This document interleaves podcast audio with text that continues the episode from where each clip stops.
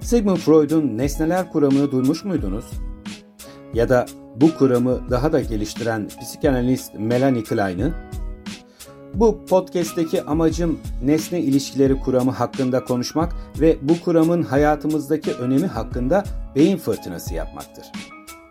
İsterseniz önce kuramı biraz tanımaya ve tanımlamaya çalışalım. Psikanaliz denilince akla ilk gelen kişi elbette Sigmund Freud'dur. Yaşantısı boyunca pek çok farklı kuram geliştiren Freud, nesne kuramı hakkında ilk çocukluk deneyimlerinin kişinin ileriki hayatındaki ilişkileri de etkileyebileceği yönünde bir kuram daha oluşturmuştur.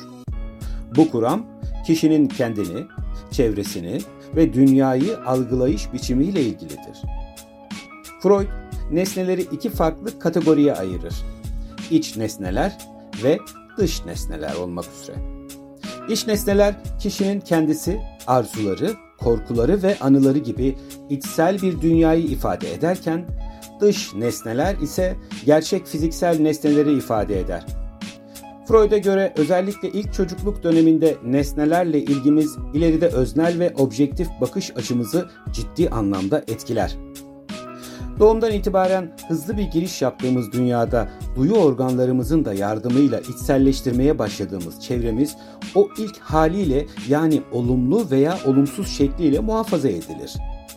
Yaşanılan deneyim bize haz verip huzurlu hissetmemize sebep oluyorsa daha anlamlı bir dünya görüşüne sahip olabilirken bu deneyim olumsuz olursa daha huzursuz, eleştirel, inatçı veya içe dönük bir yapıda kişilik geliştirmemize neden olabiliyor.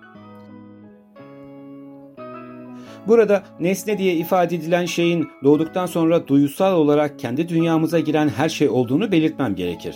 Yani anne baba veya diğer canlılar da bahsi geçen bu nesne grubuna dahildir. Zaten nesne kuramının hayatımızı etkileyen kısmı da en çok bize bakım veren kişilerle olan ilişkilerimizde saklıdır. Burada Freud'un bakış açısına biraz ara verelim ve konuyu daha fazla geliştirerek bugünkü halini almasına katkı sağlayan başka bir psikanaliste kulak verelim. Ne dersiniz? Podcast'in başında ismini zikrettiğim kişiye yani Melanie Klein'e dönecek olursak, o da nesne ilişkileri kuramını ilk çocukluk döneminin en önemli konularından biri olduğunu ifade etmiştir. Hatta çocuklarda uyguladığı psikanaliz uygulamaları da bu alana oldukça önemli katkılar sağlamıştır. Klein, Haset ve Şükran kitabında kuramı gayet güzel açıklamış ve çocuklukta nesnelerle olan ilişkilerimizin kimliğimizi nasıl oluşturduğunu ayrıntılı bir şekilde anlatmıştır.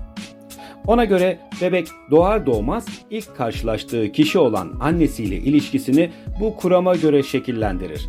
Bu açıdan Klein Freud'dan ayrılır. Zira Klein kuramı çocuğun en erken döneminden itibaren ele alır. Yani ilk meme emme dönemine kadar indirger. Buradaki amaç annenin bebeğe olan tutumudur. Çünkü bebek bu yaklaşıma göre memeye yani ilk nesneye bir anlam verir. Eğer dünyaya ilk dokunuş rahat, tehlikesiz, huzurlu ise, eğer görüntüsü düşmanca ve korkutucu değilse, eğer aldığı tat ekşi, acı veya tatsız değilse ve eğer kokusu onu tiksindirmiyorsa izlerimi de gayet yerinde olacaktır. Fakat tam tersi hisler bebeğin memeyi dolayısıyla anneyi korkutucu ve düşmanca saymasına neden olabilir. Bu duyguların üzerine inşa edilen bir benliğin ileriki yaşantısı da takdir edersiniz ki oldukça etkilenecektir. Dünyaya gelir gelmez tanışılan ilk nesne ne kadar önemli, öyle değil mi? Yetişkin hayatımızdaki kararlarımızı, ilişkilere bakış açımızı, özgüvenimizi, hissetmemiz gereken duyguları ve dünyaya gösterdiğimiz kimliğimizi oluşturduğumuz daha pek çok kişilik özelliğimizi de etkisi altına alan önemli bir kuram şu nesne ilişkileri kuramı. Son olarak diyebilirim ki bebekler dünyayı ilk olarak duyularıyla deneyimlerler. Gözleri, kulakları, burunları, ağızları ve dokunsal algıları yoluyla çevrelerindeki nesneleri hissederler. İlk deneyimler bebeklerin dünyayı algılamasına yardımcı olur ve onlara yeni şeyler öğrenme fırsatı verir. Dünyayı ilk anlamlandırma girişi de diyebileceğimiz bu zaman diliminde daha şefkatli bir yüz ifadesi takınabilirsek, daha şefkatli bir ses tonuyla bebeğe hitap edebilirsek, sakin ve huzurlu bir ortam sağlayarak onun güvende olduğunu hissettirebilirsek, işte o zaman onun için dünya korkutucu, tehlikeli bir yer olmaktan çıkarak kendi kişiliğini geliştirebileceği, o kişiliği kabul ettirebileceği ve daha sağlıklı ilişkiler kurabileceği bir cennete dönüşebilir.